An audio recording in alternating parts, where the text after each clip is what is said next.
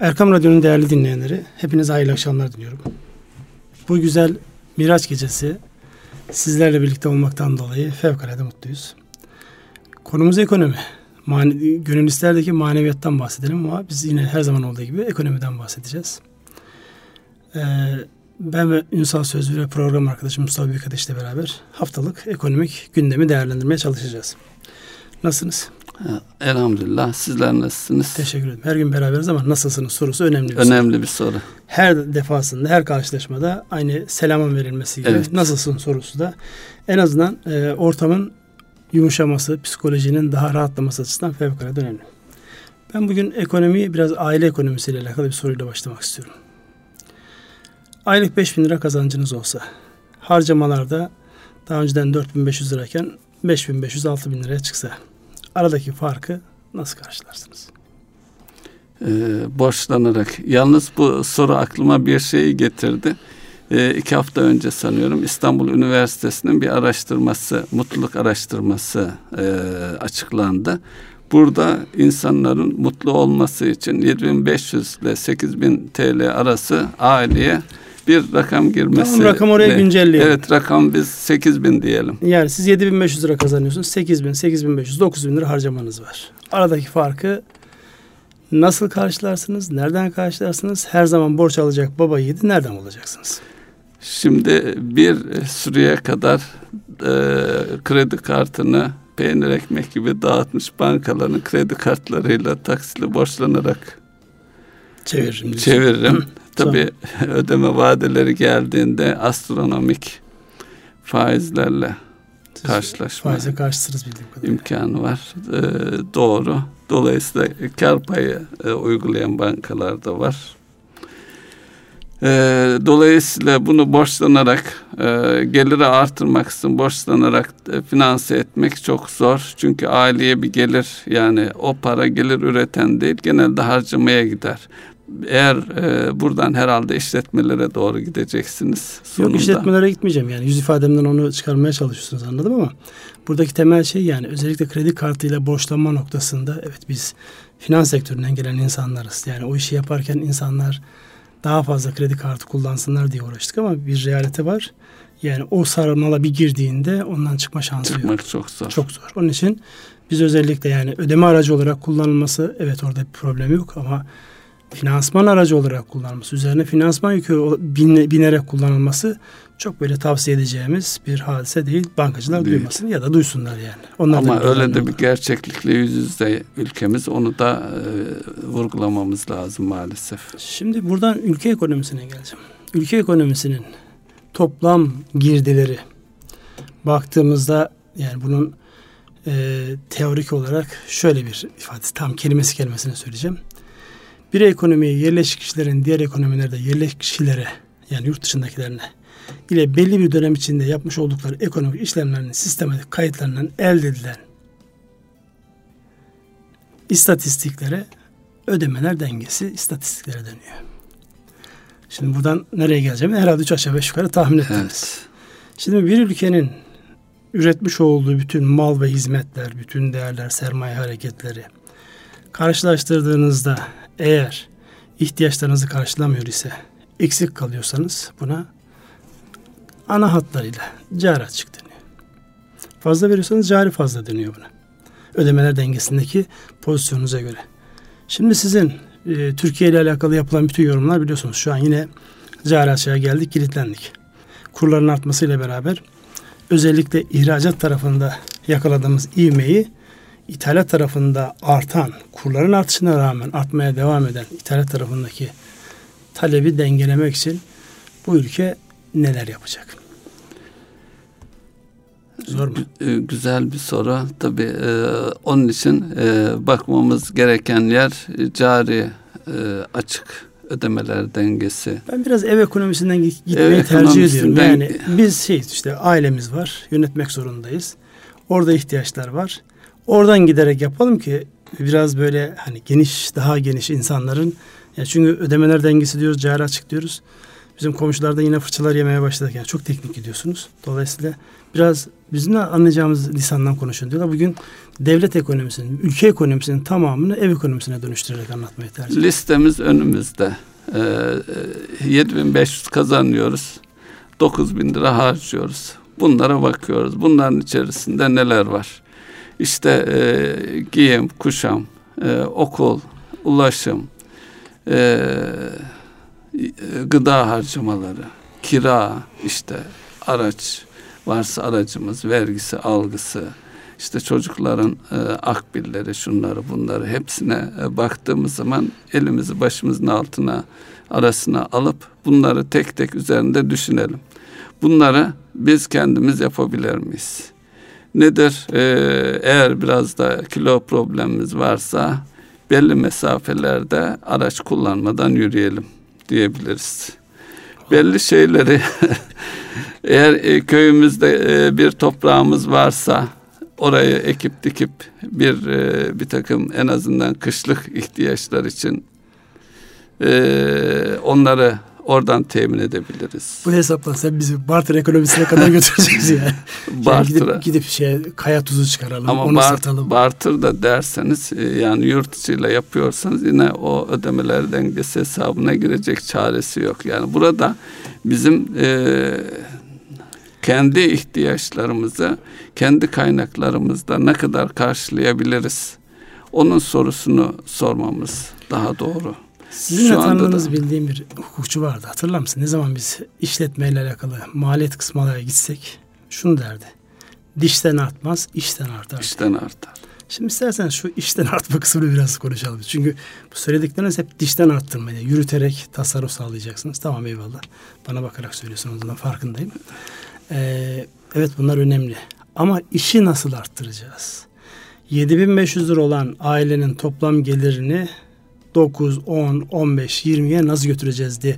Burada biraz kafa yorsak olmaz mı? Yani siz hemen direkt bizi zayıflatmaya, yürütmeye, işte giderleri kısmaya falan e, yöneldiniz. E, bizim o abimizin sözü geliyor. Hemen dişten arttırmaya çalışıyorsun. Evet. Biraz işten arttıralım isterseniz. İşten arttırmak için yaptığımız işlere e, bakalım ne kadar daha çok para kazanabiliriz. Eğer bir esnafsak e, işimizi daha karlı, daha ucuz nasıl alırım? Daha uygun fiyattan nasıl satarım? Müşteri sayımı nasıl artırırım? E, bunları düşünmek lazım. Eğer bir çalışansa... Memursan hafta sonları pazarda ne satarım? Net, Akşamları ne taksicilik mi yaparım? Onlara mı bakacaksınız? Veya işte e, memursak da demeyelim artık. Yani bir hizmet, bir yeteneklerimiz varsa o, yenet, o yeteneklerimizi artırdığımız takdirde gelirimizi artırabilir miyiz? Yani terfi edecek yolları bulabilir miyiz? Daha yüksek ücret e, ödeyecek şirketlere transfer olmak için kendi yeteneklerimizi geliştirip oralara geçebilir miyiz? Bunların hepsi e, hepsi düşünülebilir. Bunu düşünmeye başlamak zaten e, yol bulma noktasında iyi bir yere gider. Peki ülke olarak nasıl bir yol bulduk? Ben hemen bir girizgah yapayım. Bu iş uzayıp gidecek ülke, anladım. Ülke olarak. E, Şimdi bizim 2006 yılının Eylül ayında açıklanmış bir e, teşvik paketimiz var. Daha doğrusu bir sistem var. Proje bazlı teşvik sistemi. Bu 2016'nın e, Eylül ayında yanlış hatırlamıyorsam şu an notlarımda Eylül diye not almışım. Çıkmış bir e, düzenleme var.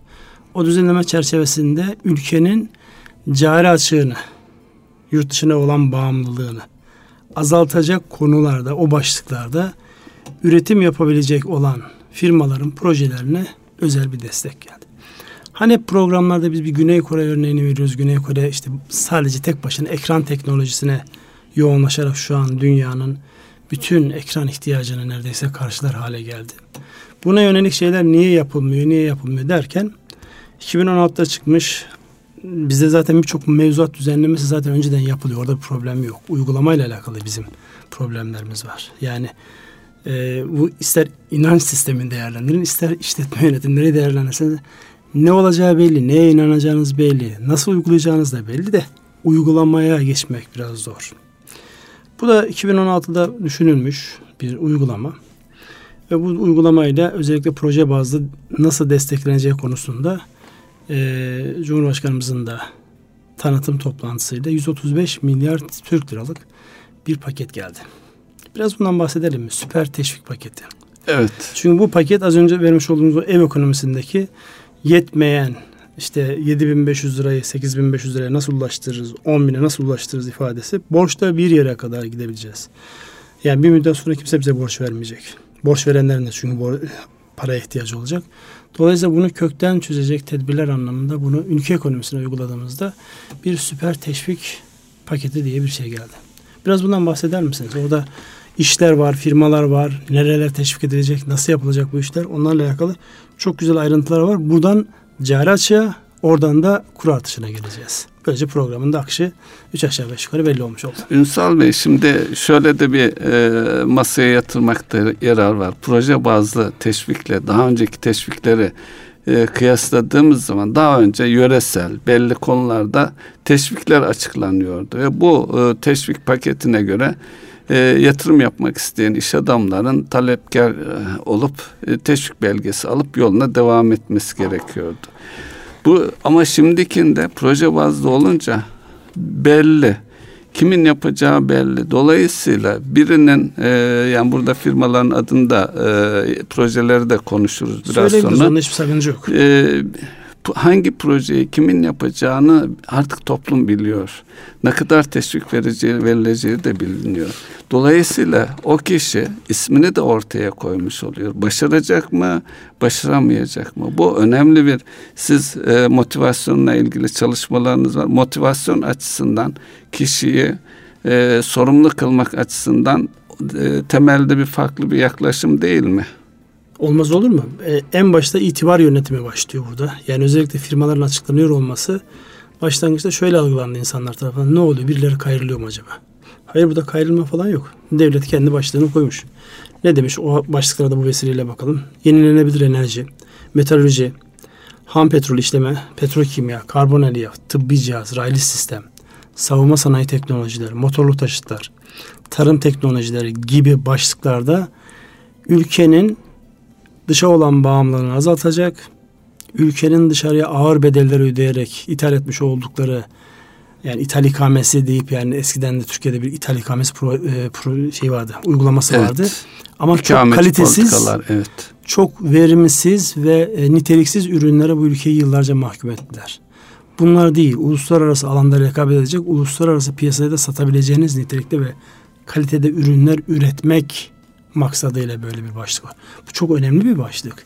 Yani buradaki başlıkların içinin nasıl doldurulacağında özellikle firma bazına girdiğimizde her biri o işi bilerek, isteyerek yapılan. Bugünlerde de her firmanın kendi hikayesine yönelik e, yazılar yayınlanmaya başladı.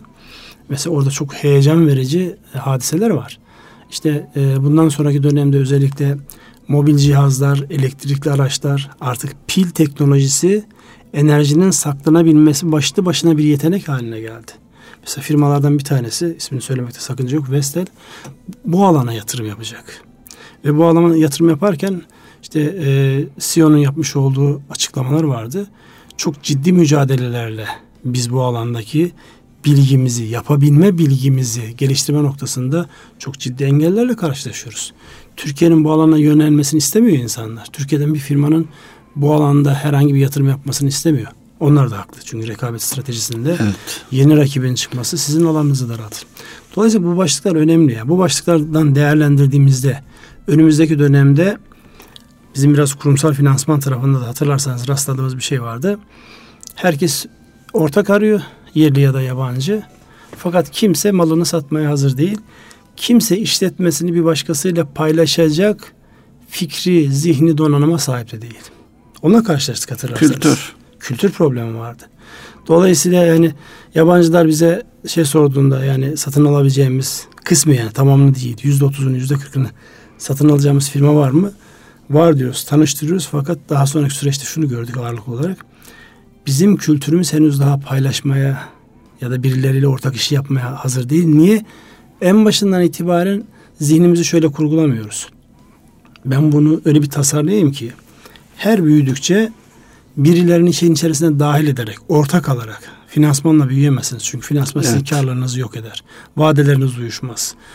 Ee, hiç ummadığınız zamanlarda ödemelerin tarihi gelir. Bütün projeksiyonunuz yerle bir olur. Konjöktür bozulur. Konjöktür bozulabilir.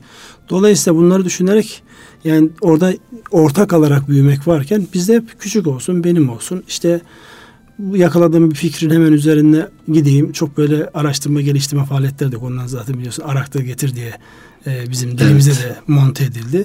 Bunlar olmaksızın yürüyecek bir sürdürülebilir bir hadise değil. Buradan hareketle ben bu e, süper teşvik paketinin ve açıklanan başlıkların çok önemli olduğunu, az önce sizin söylemiş olduğunuz motivasyon, itibar, marka yönetimi bunların hepsini birlikte değerlendirdiğinde artık insanlar sadece işte teşvik alayım onu nasıl çarçur edeyim şeyinde değil. Bu teşvik alıyorsa bunun aşama aşama nasıl gideceğini kamuoyunun önünde açıklamak zorunda kalacak. Ve ilk kez de e, alınan teşvikler kamuoyunun önünde. Evet. Yani herkes biliyor. Kimlerin aldığı belli. E, detaylara bakınca e, teşvik kapsamında alınan projelerde oldukça enteresan. Gerçekten ihtiyaç olan mesela bu e, kimyevi maddelerle ilgili plastik artık her şeyin içerisinde teşvik verilen e, propilen e, ve türevlerine yönelik e, metcap enerjiye verilen ciddi bir e, teşvik var. E, bunun karşılığında üretilecek e, miktar da aslında Türkiye'nin e, yüzde otuzuna falan tekabül ediyor. Yani birebir tamamen e, ithalatı kesecek bir şey değil. Tam yani tersi, o dünya evet var. dünya rekabetine açık bir şekilde ve burada da e, daha büyünecek e, yerler var. Tabi bu e, bir anda yani o bahsettiğiniz ikameci politikalar gibi değil. Rekabete açık e, teşviği veriliyor ve e, gelişmeye de açık. Başka firmaların girmesine de e, müsait alanlar bunlar ve e, gittikçe de büyüyecek bir alan. E, çok iyi bir e, tespit. Buradaki teşvik başlıklarına biraz değinebilir miyiz? Yani orada ne var vergiyle alakalı? Çünkü onlar önemli şeyler. Ee, yani insanlar hangi tür teşvikleri alacakları noktasında e, geniş kapsamlı bilgiye sahip olmaları bundan sonraki süreçte de benzer işlere niyetlenecek. Özellikle Türkiye'nin uluslararası rekabetini arttıracak iş yapabilme potansiyeline sahip olan firmaların neler yapması gerektiği noktasında da bir husus var. Ve her şeyse ben ithalat e, ana hatlarıyla. Evet, vergisel destekler var orada. E, vergisel var, e, ithalat vergileri var. İstihdam desteği var, finansman desteği var. Evet. Yatırım yerliyle destekli yani yerli ürünlerle yapılıyorsa onun ayrı bir desteği var. Ve e, işte kamu alım garantisi, izin, ruhsat, tahsis, lisans, tescillerdeki kolaylıklar gibi diğer başlıklar adı altında teşvik paketi var. Çok kapsamlı bir teşvik. Evet. Yani bir projede olması gereken her şey düşünülmüş. Bu proje nasıl finanse edilecek? Bu projede yaparken hangi maliyetlere katlanıyor? İşte gümrük vergileri, e, katma değer vergisi, işte bina teşviki var mesela orada binayı veriyor, arazi veriyor. Gerekirse o binanın taşınmazın ya da e, bina demeyelim de taşınmaz diyelim. Taşınmazın bedelsiz olarak ya da cüzi bir bedelle devri de dahil olmak üzere teşviğin kapsamı çok geniş. Dolayısıyla burada firmalara şöyle bir e, gündem maddesi geliyor önlerine. Böyle özel fikri olan, özel yeteneği olan firmalar bir fizibilite raporunda ne olması gerekirse ve ne talep ediyorsa hepsini birlikte talep edip bu teşvik kapsamına girebilir. Bu kapsamda bildiğim kadarıyla zaten e, 23 proje vardı. 24'e çıktı. 24'üsü geçen sene teşvik kapsamına alınmış Mardin Mazı Dağı'nda bir e, işletme ile alakalı yaklaşık 2 milyar TL gibi bir rakam da bu kapsama dahil edildi. Dolayısıyla 23 proje değil aslında 24 proje. Geçen seneki. Neydi metalürji mi o da? Bu e, oradaki çıkarılan bir ha, madenle e, alakalı bir teşvikti. Evet, Şu an, gübre tesisi galiba. E, Metal geri kazanım ve entegre gübre evet. tesisi değil mi? Şimdi buna baktığımızda çok kapsamlı düşünüyor. Yani tam işte hani derler ha işte bu. Yani e, arayıp da zihninde geliştirip de ya nasıl uygulayacağım dediğin şeyin ilk defa ben bu kadar ya ciddi bir şekilde teşviğin hedefe yönelerek amaca doğru amaca giderek e, yapılabilecek bir şey var. O motivasyondaki o meşhur üç başlık vardı ya. Özellikle insanlar kendi hallerine evet. bırakıyorsun. Ustalık evet. ve amaç. Üç temel unsura baktığımızda o motivasyonun üçü de var burada. Zaten adı üzerinde teşvik. Döndür motivasyon de ona. Ne var burada? Özel bırakıyor. Yani şu alanda yap diye zorlanmıyor. Benim konu başlıklarım bunlar. Hangisini de istiyorsan. İkincisi ustalık. Kendi bildiğin alanda yap bunu. Yapabileceğin evet. şeyler yap. Sonuncusu da bu amacı ortaya koyuyoruz ki biz ülke olarak bundan çok ağır bedeller ödedik. Hala ödemeye devam ediyoruz. Yani işte cari açıktan bahsedeceğiz birazdan. Yani en makule geldiği altın ithalatının devre dışı bırakıldığı yerde gene 4 milyar dolarlık biz 4 küsür milyar dolarlık bir cari açık veriyoruz. Dolayısıyla bu anlamda değerlendirdiğimizde bu başlıkların gerçekten yani 30-35 yıldır iş dünyasındayım. Bu kadar heyecanlandığım, evet tam amaca yönelik dediğim bir şeyi ben hatırlamıyorum açıkçası. Evet. Hafta içerisinde Trump'ın tweetlerine kurban gidecekti. Az kalsın bizim evet. konumuz. Çünkü döviz piyasası oynayınca herkes dövizle alakalı detaylı konuşma. Orası biraz sakinler gibi oldu. Orayı da konuşacağız. Ama bu çok önemli bir konu. Yani bunun işte Trump tweetlerine işte Suriye'de olacaklara uluslararası kurban gitmemesi lazım. Bu çok önemli bir başlık. Ülkenin ekonomik anlamda dönüşümünü sağlayacak temel unsurlardan bir tanesi. Daha önce hep savunma sanayi diyorduk. Savunma sanayinin yanında başka başlıkların da olabileceği noktasında çok ümit var bir görüntü bu. Evet.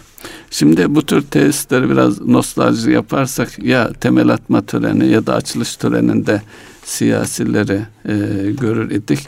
Tabi burada e, Cumhurbaşkanımızın da bu işin başında olması, onun da daha e, önceki projelerden biliyoruz e, süreleri kısaltan ve takipçi bir yaklaşımı var. Dolayısıyla bu iş adamları da bunun da hem motivasyonu hem baskısı altında mı diyelim inşallah hızlı bir şekilde gecikmeden, aksamadan bir an evvel sonuçlanacaktır ve ekonomiye yansımalarını ilk elden görmeye başlayacağız. Tabi burada e, bazı projeler ciddi yatırım, yıllara sari yatırım gerektiren e, işler de var. Onu da görmek lazım. Şimdi o görülecek zaten bunların hiçbir tanesi bugünden yarın olacak bir hadise değil ama şu bir realite. Özellikle Türkiye'nin son 10-15 yıldır savunma sanayi ile alakalı ister donanım tarafında ister yazılım tarafında yani kullanmakta olduğumuz, savunma sanayinde kullanmakta olduğumuz ve ithal ettiğimiz, tamamen yurt dışına bağımlı olduğumuz konularda kat ettiğimiz mesafe belli. Bunun işletmeler olan yansıması da belli. İster ana üretici olsun, ister yan tedarikçisi olsun. Burada bir kere bir alım garantisi var. Hani bizim evet. işletmelerle alakalı girişimcilere söylediğim şey var ya, sponsorun kim? Seni kim destekleyecek? Destek iki yerde lazım. Ya alırken lazım ya kurarken lazım. Finanse edecek birisine ihtiyacım var. Şimdi burada devlet diyor ki benim ihtiyacım var burada. Bütün dikkatini bana yoğunlaştırma ama ben bir kısmını alırım. Şimdi bir kısmını alırım demek e, hepimiz işletmecilik yapıyoruz. Ürettiğim malın ya da üreteceğim malın bir kısmının alınacağını biliyor olmak müthiş teşvik edici bir hadise. Psikolojik olarak bir kere rahatlatıyor sizi. Yani yani e, müşterisiz meta zayidir e, ifadesinden müşterin yok. Sen mal ürettin. Bir anlam yok. Burada malı satacağın yer üç aşağı beş yukarı belli. Bir kısmını satacağın yer. O seni heyecanla teşvik ediyor. Hele bir de kaliteyi yakalamışsan. Hele bir de oradaki mantığa bir süreklilik kazandırmışsan. Uluslararası rekabette de bir anlam ifade ediyorsa orada hani tadına doyulmaz yemekten derler.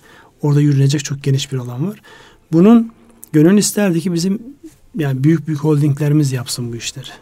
Onlarla yürünsün. Ama olmuyor. Demek ki devletin bu anlamda bir ön ayak oluculuğa ihtiyaç var. Biz gene geldik liderlik becerilerine. Burada savunma sanayi dediniz. Burada altını çizmekte yarar gördüğüm bir husus var. O da şu e, teşvik alan firmalar yabancı iç, içlerinde yabancı ortaklı firmalar da var. Mesela savunma sanayinde BMC 4 evet, projesiyle Katar, evet Katar yüzde 49 Katar dolayısıyla bu müşteri noktasında yurt dışına da e, ihracatı da garanti eden bir e, şey var. Yine bu Sasa'nın e, detayda tekrar konuşuruz.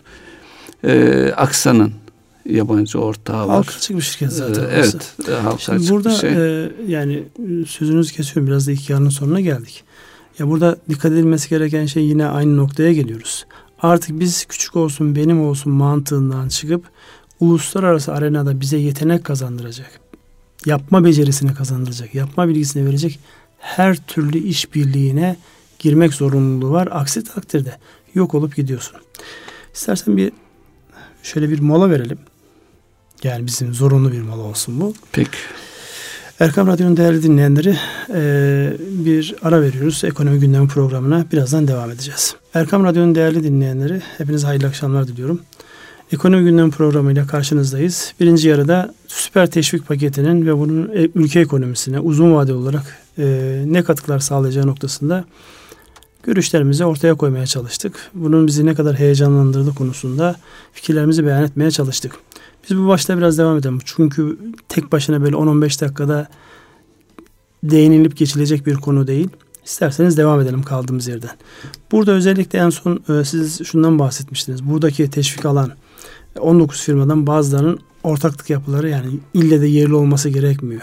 Yabancı Bu ülke ekonomisine katkı sağlaması kaydıyla her türlü firma buraya alınmış. Yani orada Fransız ortaklığı var, işte Katar ortaklığı var, farklı bir sürü ortaklık var. Halk açık iki tane şirket var. Bu çerçevede değerlendirdiğimizde önümüzdeki dönemde bu bizim hem bu firmalar açısından hem de bu firmaların devamı anlamında başka firmalar noktasında neler yapılabilir? Bu projelerin detaylarının bilinmesi bunlara yan sanayi olarak üretim yapabilecek hangi firmaları teşvik edebilir? Yani olaya bir bütün bir sistem gözüyle baktığımızda, sistem teorisi gözüyle baktığımızda önümüzdeki dönemde bizi ne bekliyor? Onlara biraz değinir misiniz? Ee, şöyle tabii istihdam noktasında da söylenen bir şey var. Onun üzerinden açıklamak, e, konuşmak daha doğrudur. 34 bin civarında doğrudan ve 130 bin civarında da dolaylı istihdam bekleniyor. Yani bu firma, bu şirketler bu yatırım yaparken tek başlarına sadece kendilerinin yapması söz konusu değil. Doğal olarak bu üretimleri yapabilmek için yurt içinde belki yurt dışından da olacaktır. Ee, bir takım firmalara bu kuruluş esnasında kurulduktan sonra da her işi yapmak yerine onların bir kısmını dışarıya yaptırmak şeklinde özellikle otomotiv sanayinde, savunma sanayinde aşağı yukarı e, belki şu e, pet e, kimyevi maddelerde böyle bir şey olması zor e, süreç içerisinde ama kuruluş aşamasında birçok firmaya e, bu e, ekonomi yani 135 milyarlık bir yatırım e, bu e, Türkiye ekonomisi içerisinde bir kere paylaşıyor olacak. Bu değer bu şey üretilir üretil kuruluş esnasında. Orada parantez içerisinde bir şey söyleyeyim. Bu rakamın 100 milyon doların üstü olmak zorunluluğu var. Yani küçük böyle 3-5 milyon dolarlık bir yatırımdan bahsetmiyoruz.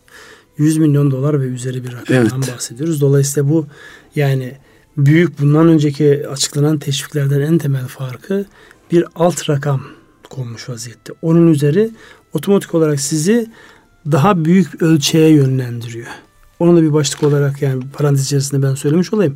Çünkü buradan şu anlam çıkmasın yani biz işte hemen bundan yararlanabilir miyiz? Evet yararlanabilirsiniz ama 100 milyon dolar üzeri bir projeyle kabul edilmiş bir projeyle gerekir. Evet. Ee, bu kuruluş aşamasında da ekonomiye bu kadar bir kaynağın gireceğini, bu kaynağın ekonomi içerisinde döneceğini de hesap etmek gerekiyor. Ee, zaman alacak bir şey ama şu da yabancı ortak olması yani benzer projelerde Türkiye'de katma değer üretmek kaydıyla, Türkiye yatırım yapmak e, kaydıyla zaten açık olduğumuz, yabancı yatırıma açık olduğumuzu da teyit eden bir e, şey var, e, projeksiyon var önümüzde.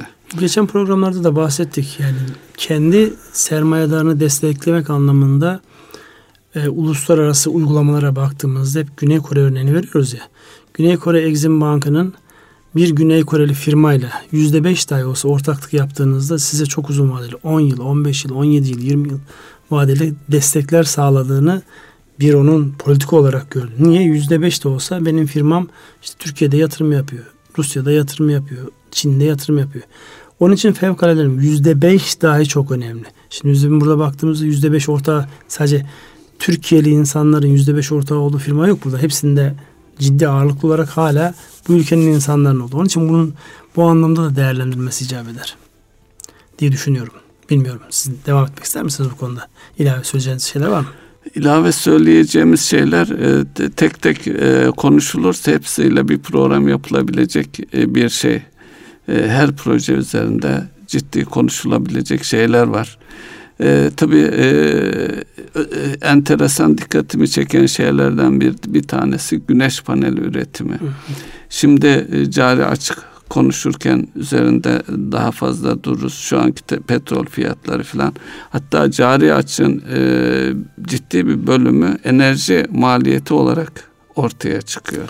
Yenilenebilir enerjiye bizim veya ve bunun yanı sıra yerli kaynaklar olarak da e, zikredersek içerisine kömürü falan da dahil ederiz.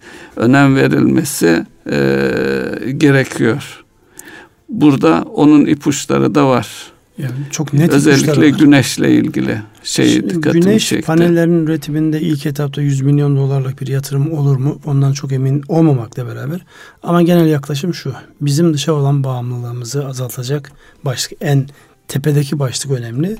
Bizim en bağımlı olduğumuz konuların başında enerji geliyor. Özellikle petrol ve petrol ürünlerine olan bağımlılığımız ancak alternatif enerji kaynakları ile çözülebilir. Elektrik üretebilirsek, elektrikli otomobilleri kullanabilirsek, elektriği depolayabilirsek pillerle. Petrole bağımlılığımız evet. azalacak oradan.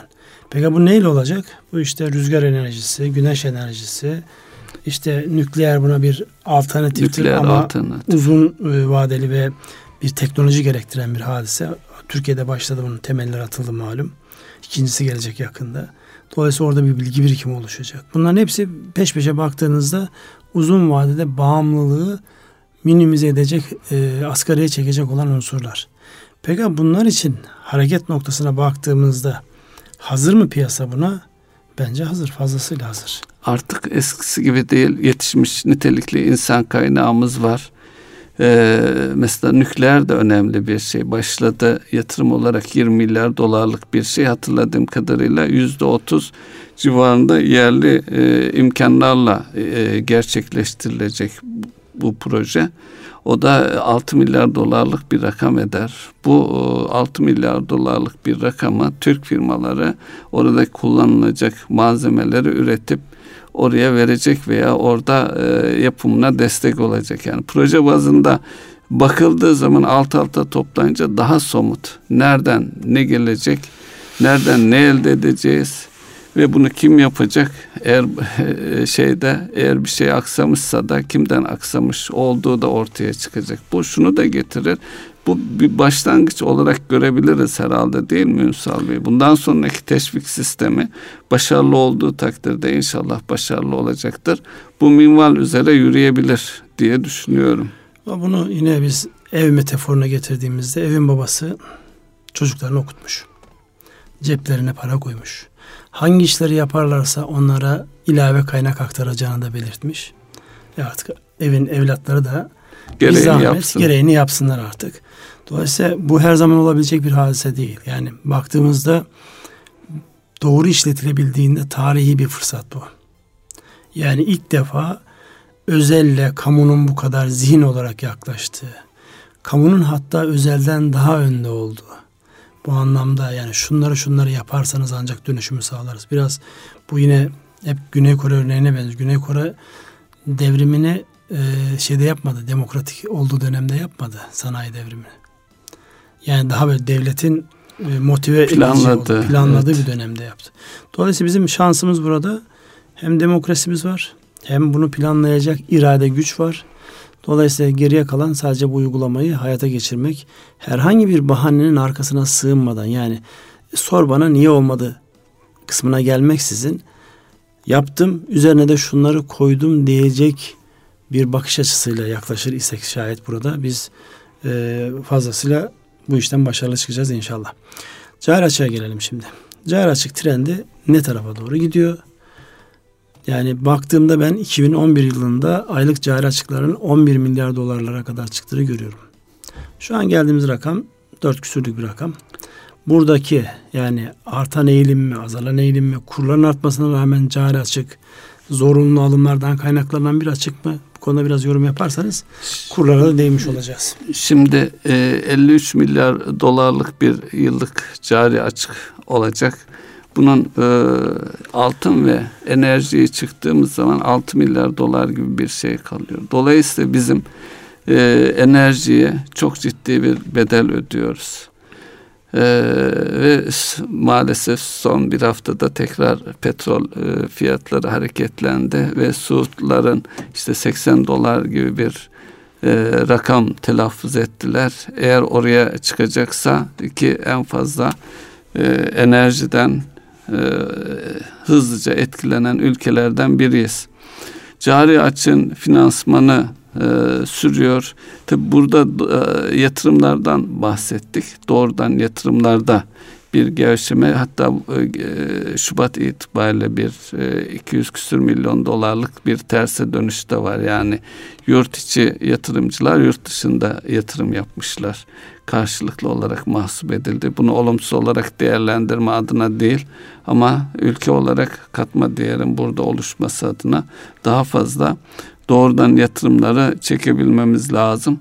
Tabii onun da içindeki içinde bulunduğumuz konjöktür önceki programlarda notlarımızla ülke notuyla ilgili değerlendirme, derecelendirme kuruluşlarının tavrı ve verilen şeyler tabi bu hem doğrudan yatırımları hem e, kısa vadeli portföy yatırımlarının hepsini etkiliyor. Tabi şu anda e, buradan e, cari açıktan daha fazla e, sürekli aynı şeyleri tekrarlıyoruz aslında bir Türkiye cari açık noktasında ihracatını büyütmesine rağmen ihra, ithalatı e, daha hızlı büyümesi nedeniyle bir de ihracat için ithalat yapma zorunluluğu nedeniyle bir sarmal içinde e, olduğu söylenebilir. Zaten bu sözünü ettiğimiz teşviklerde bundan çıkma adına idi. Hatta orada rakamları söylemedik.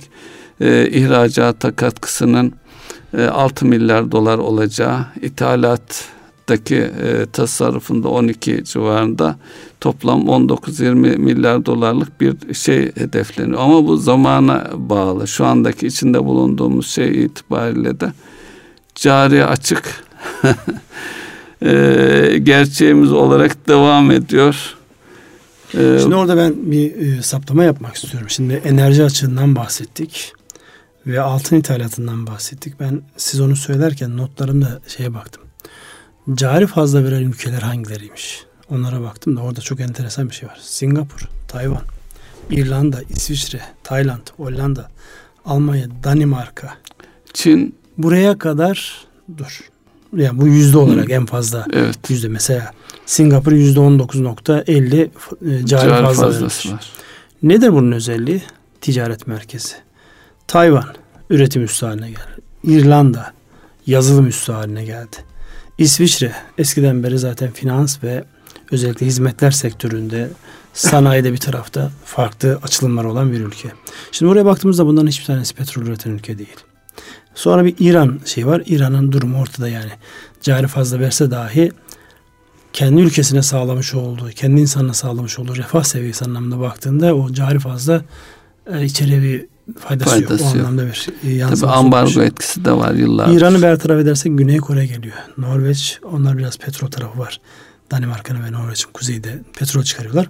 Ama baktığımızda mesela bir Güney Kore örneği var. 5 nokta yüzde 5.6 cari fazla veriyor. Bizim neredeyse tersimiz olan. Biz 5 yüzde 5 civarında gayri safi yurt içi hasılanın yüzde 5'i kadar bir e, eksik veriyoruz. Onlar fazla veriyor. Bunlara baktığımızda özünde her birinin yükseldiği bir alan var. Her birinin zemin olarak kullandığı, bastığı diğerlerinden farklı olan bir özellikleri var. Ya ticaret üstü olmuşlar ya teknoloji üstü olmuşlar ya işte yazılım üstü olmuşlar. İşte İrlanda bunun mesela en güzel örneklerinden bir tanesidir. Yani İngilizler e, kötülük edeyim derken büyük bir ilk etti Hintlilere ve İrlandalılara. Gerçi İrlandalılar ne kadar ayrı onun tartışılır bir mevzu ama teknolojiyle alakalı farklı bir boyutu yakalamış vaziyette. Dolayısıyla bizim çözüm ortağı olarak e, büyük yapılara, ekonomilere entegre olma ama kendimizi de farklılaştıracak bir adım atmak noktasında cari açıkla alakalı bir adım, yoğun bir adıma ihtiyacımız var ve bunun için de ille de petrol fiyatlarının düşmesi, yükselmesiyle entegre etmemek icap eder kendimizi. Evet şu an en fazla oradan etkileniyoruz. Bir tarihte bir hesaplama var. Ne kadar doğru bilmiyorum. Petroldeki her 10 dolarlık artış bizde 4 milyar 4 dolarlık milyar dolar. cari evet. açığa sebep oluyor. Dolayısıyla e, şu an 10 dolar arttı. Evet arttı. Yani son bir ay içerisinde 60 dolarlardan işte 74-75 dolarlara kadar geldi. Bugünlerde de 72 dolarlar seviyesinde e, fiyatları var petrolün. Bu ne demek? Bize bir 4 milyar dolarlık yük daha geldi. Bu enflasyon demek. Bu kurlarla alakalı önümüzdeki dönemde hala gündem maddesi olacaktı anlamına geliyor. Her gün işte petrole ayarlamalar geliyor. 15 kuruş, 17 evet. kuruş, 18 kuruş. Bunlar hep buradan yansıması. Bunlar birlikte düşündüğümüzde kısa vadede çözemesek dahi uzun vadede nasıl çözeceğimizi bilmiş olmak bile değişimin, dönüşümün önemli unsurlardan bir tanesi.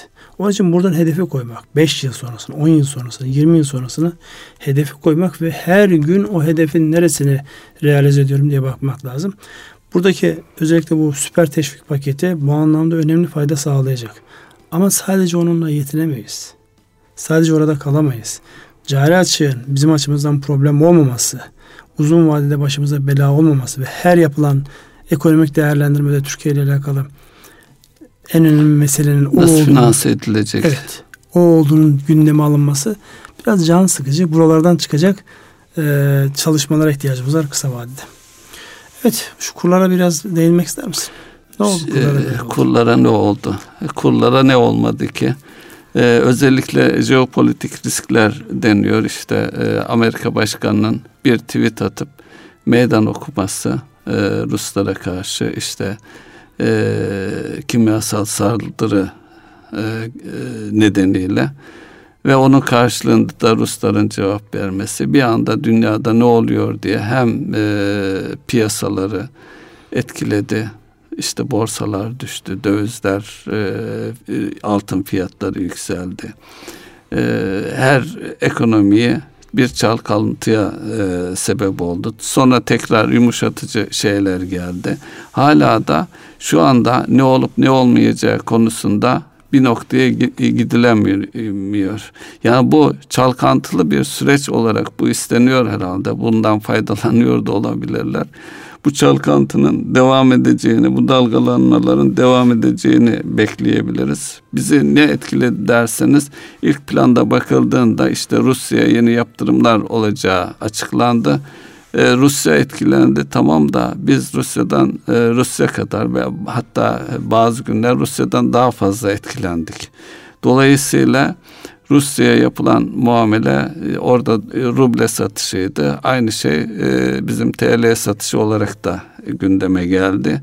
Doğal olarak da kurlar normal ekonomik çerçevede yani enflasyon daki gelişmelere dayalı olarak kurun nereden nereye geleceğine yönelik beklentileri, tahminleri alaşağı eden bir dalgalanmayla e, beklemediğimiz alan e, yerlere çıktı. Ne oldu? E, tabii bu süreçte ee, yine e, bireyler dövizlerine TL'ye döndüler. İşletmelerde tabii bu ihtiyaçlar içinde olabilir, borçlar içinde olabilir. Onlar da bir miktar aldı. Ama sanıyorum şu andaki tam rakamları bilemiyorum. Portföy çıkışları falan da olmuştur büyük bir ihtimalle. Yani sıcak para dediğimiz kısa vadeli olarak gelip hazine bonosu veya banka kağıtları üzerine yatırım yapan veya borsaya onların da hızlıca e, çıkmasıyla oluşan bir e, süreç. Tabi borsada da, e, buradan ciddi etkilendi. Belki yapısal çerçevede bakıldığında işte söylenecek şeyler de olabilir. Yani bu nasıl teşvik paketleri gündeme geldiyse aynı şekilde borsamızın da ne bileyim daha fazla firmaların olduğu, derinleştiği, çok fazla dalgalanmalardan etkilenmeyecek büyük bir havuz haline getirilmesi gibi belki de yapısal o tür e, teşvikler de zaman içerisinde bilmiyorum siz bu konularda daha e, hakimsiniz, daha uzmansınız. Ne dersiniz Ünsal Bey? Şimdi e, burada bu konularla ben, ilgili. E, tabii ki kurların artmasıyla alakalı söylenecek çok şey var. yani politik gerekçeler bunda en fazla kullanılacak argümanlardan bir tanesi. Zaten buradaki e, kur artışı euro dolar dengesinde bir değişiklik olmadı. Yani neredeyse bu tweet savaşları, ticaret savaşlarından tweet savaşlarına döndüğümüz tarihten beri, günden beri orada bir farklılık yok. Çünkü Avrupa ilgilendiren çok fazla bir hadise yok. Burada İngiltere her zaman en iyi, en güçlünün yanında yer alacak ikinci rolünü oynadı. O küresel e, değişimde İngiltere'nin bundan sonraki alacağı pozisyon en güçlünün yanındaki her zaman yardımcı olmalı.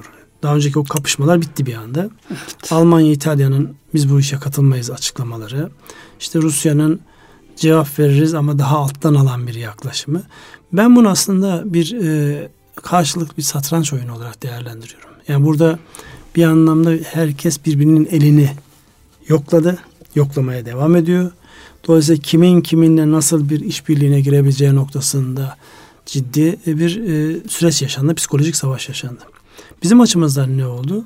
Şimdi öyle enteresan, öyle bir ilginç bir coğrafyadayız ki bir taraftan müthiş bir güç, öbür taraftan da kim nerede öksürse gelip bize e, nezleyi bulaştırıyor. Şimdi baktığınızda bizim en büyük ticari partnerlerimizden bir tanesi Rusya. Rusya. Öbürü Avrupa, Almanya başta olmak üzere. Diğer taraftan baktığımızda bu işin nasıl, kimlere ne kadar etkisi olur diye baktığımızda yani etkilenmeyecek yer yok gibi. İşte Suudi Arabistan'ın başlatmış olduğu çevrede bir hızlı özellikle işte İsrail'le yakınlaşma politikası, onların getirmiş olduğu yansımalar. Bizim bir anlamda orada devre dışı kalmamız. Çünkü açıklamanın içerisinde bir taraftan Suriye var, öbür taraftan da İran'ı yerle bir ederiz gibi bir açıklama geliyor. Yani, Tehditler gırla gidiyor. Her, yani buna baktığımızda yani aklı selimin işlemediği bir zamandayız. Ama öbür taraftan da her çılgınlığın da yansımalarının nereler olacağı noktasında da dikkatli olmamız gereken bir dönem. Dolayısıyla kurlarla alakalı benim söyleyeceğim şu. Psikolojik eşik aşıldı. Dört önemli bir eşikti dolar için. Beş önemli bir eşikti euro için. O ikisinin aşılmış olması ve oradan işlemlerin yoğun olarak yapılıyor olması bu artık geri dönüşü zorlaştıran bir mekanizma. Geri dönüş isteniyor mu diye bakıldığında işte cari açığı bu kadar yüksek olan ülkede ithalat azaltmak için kurların yukarıda olması iyi bir şey olabilir. Eğer tabii siz zorunlu alıcı değilseniz. Ama zorunlu alıcıysanız, petrolü zorunlu olarak alıyorsanız, dün 62 dolardan alırken bugün 72 dolardan alıyorsanız o kurlar size gelir yansır. Bedeli de cebinizden çıkar. İşte akşam alacağınız benzinin ya da mazotun fiyatına yansıyacak şekilde. Enflasyon olarak. Enflasyon olarak yansır. Dolayısıyla kurların doğrudan maliyete yansıyan etkisi var. Ve bunu arttıracak her türlü girişim, her türlü gelişme maalesef bize enflasyon olarak yansıyacak. Enflasyon olarak yansıdığı zaman finansman maliyetleri artıyor. Finansman maliyetleri arttığı zaman kimse yatırım yapmıyor. Yatırım yapmadığı zaman istihdam olmuyor. Alın size işte zincirleme giden, giden bir süreç. Onun için bizim ne yapıp ne edip evet bu maliyetler arttığında bundan en az etkilenen bir ticari yapılanmaya, bir yapısal dönüşüme ihtiyacımız var. O da özellikle hep e, söylüyoruz ama henüz daha istediğimiz o sıçramayı yapabilmiş değiliz. Yani geçmişte karşılaştığımızda müthiş bir performans ihracat açısından. Ama yıldan yıla baktığımızda rekor kırsak dahi o rekor ithalatta kırdığımız rekorları henüz karşılamıyor. Dolayısıyla oralara biraz daha kafa yoracağız. Yönettiğimiz ya da içinde bulunduğumuz işletmelerin ihracat noktasında daha fazla büyüyeceği. Yani siz biliyorsunuz işte bizim yapımızda bir makine firmamız var. %95 ihracat çalışıyor. Geçen seneki cirosunun neredeyse 2-3'e katladı. Hala gidilecek yol var. Nasıl oldu? Küçük bir zihniyet değişikliğiyle. Oradaki insanlar daha fazla cesaretle uluslararası büyük oyuncuların gezindiği yerlerde gezinmeye başladılar. O da bize şunu gösterdi. Öyle zannedildiği kadar işte görüyorsunuz devletlerin nasıl yönetildiğini, insanların yani e, devletin başı bir açıklama yapıyor. Savunma Bakanlığı tam tersi bir açıklama yapıyor. İşte silahlı kuvvetleri bambaşka bir açıklama yapıyor. Şimdi böyle bir ortamda gözümüzde büyütmememiz, böyle kendimizi küçültüp başkalarını büyütmememiz. Tabii kendimizi de abartırsa bu sefer ayrı sıkıntı olur. Evet. O sizin söylediğiniz şey var ya soğuk savaş döneminde Amerikalılar bilinçli olarak Rusları olduklarından büyük göstererek evet. aslında kendi yandaşlarını çoğaltmış. Benzer şeyler deneniyor şu an. Benzer adımlar atılıyor. Burada enteresan olan Çin'in sessizliği. Yani ticari savaşlardaki o kadar haşin davranan Çin şu an bu olaylarda çok böyle renk belli etmedi. Bakalım göreceğiz ne olacağını. Aa, şunu tekrar altını çizeyim. Kurlardaki psikolojik eşik geçirmiş olması sebebiyle eskiden insanlar geçen haftada da yine söylemiştik yani e, döviz alınır mı diye sormayan insanların bu fiyattan döviz alınır mı diye soruyor olması asıl zihni olarak e, sıkıntı bence orada. Evet zihinden bu düşünceyi çıkartmak uzaklaştırmak lazım. Evet başka gündeme getireceğiniz bir şey var mı?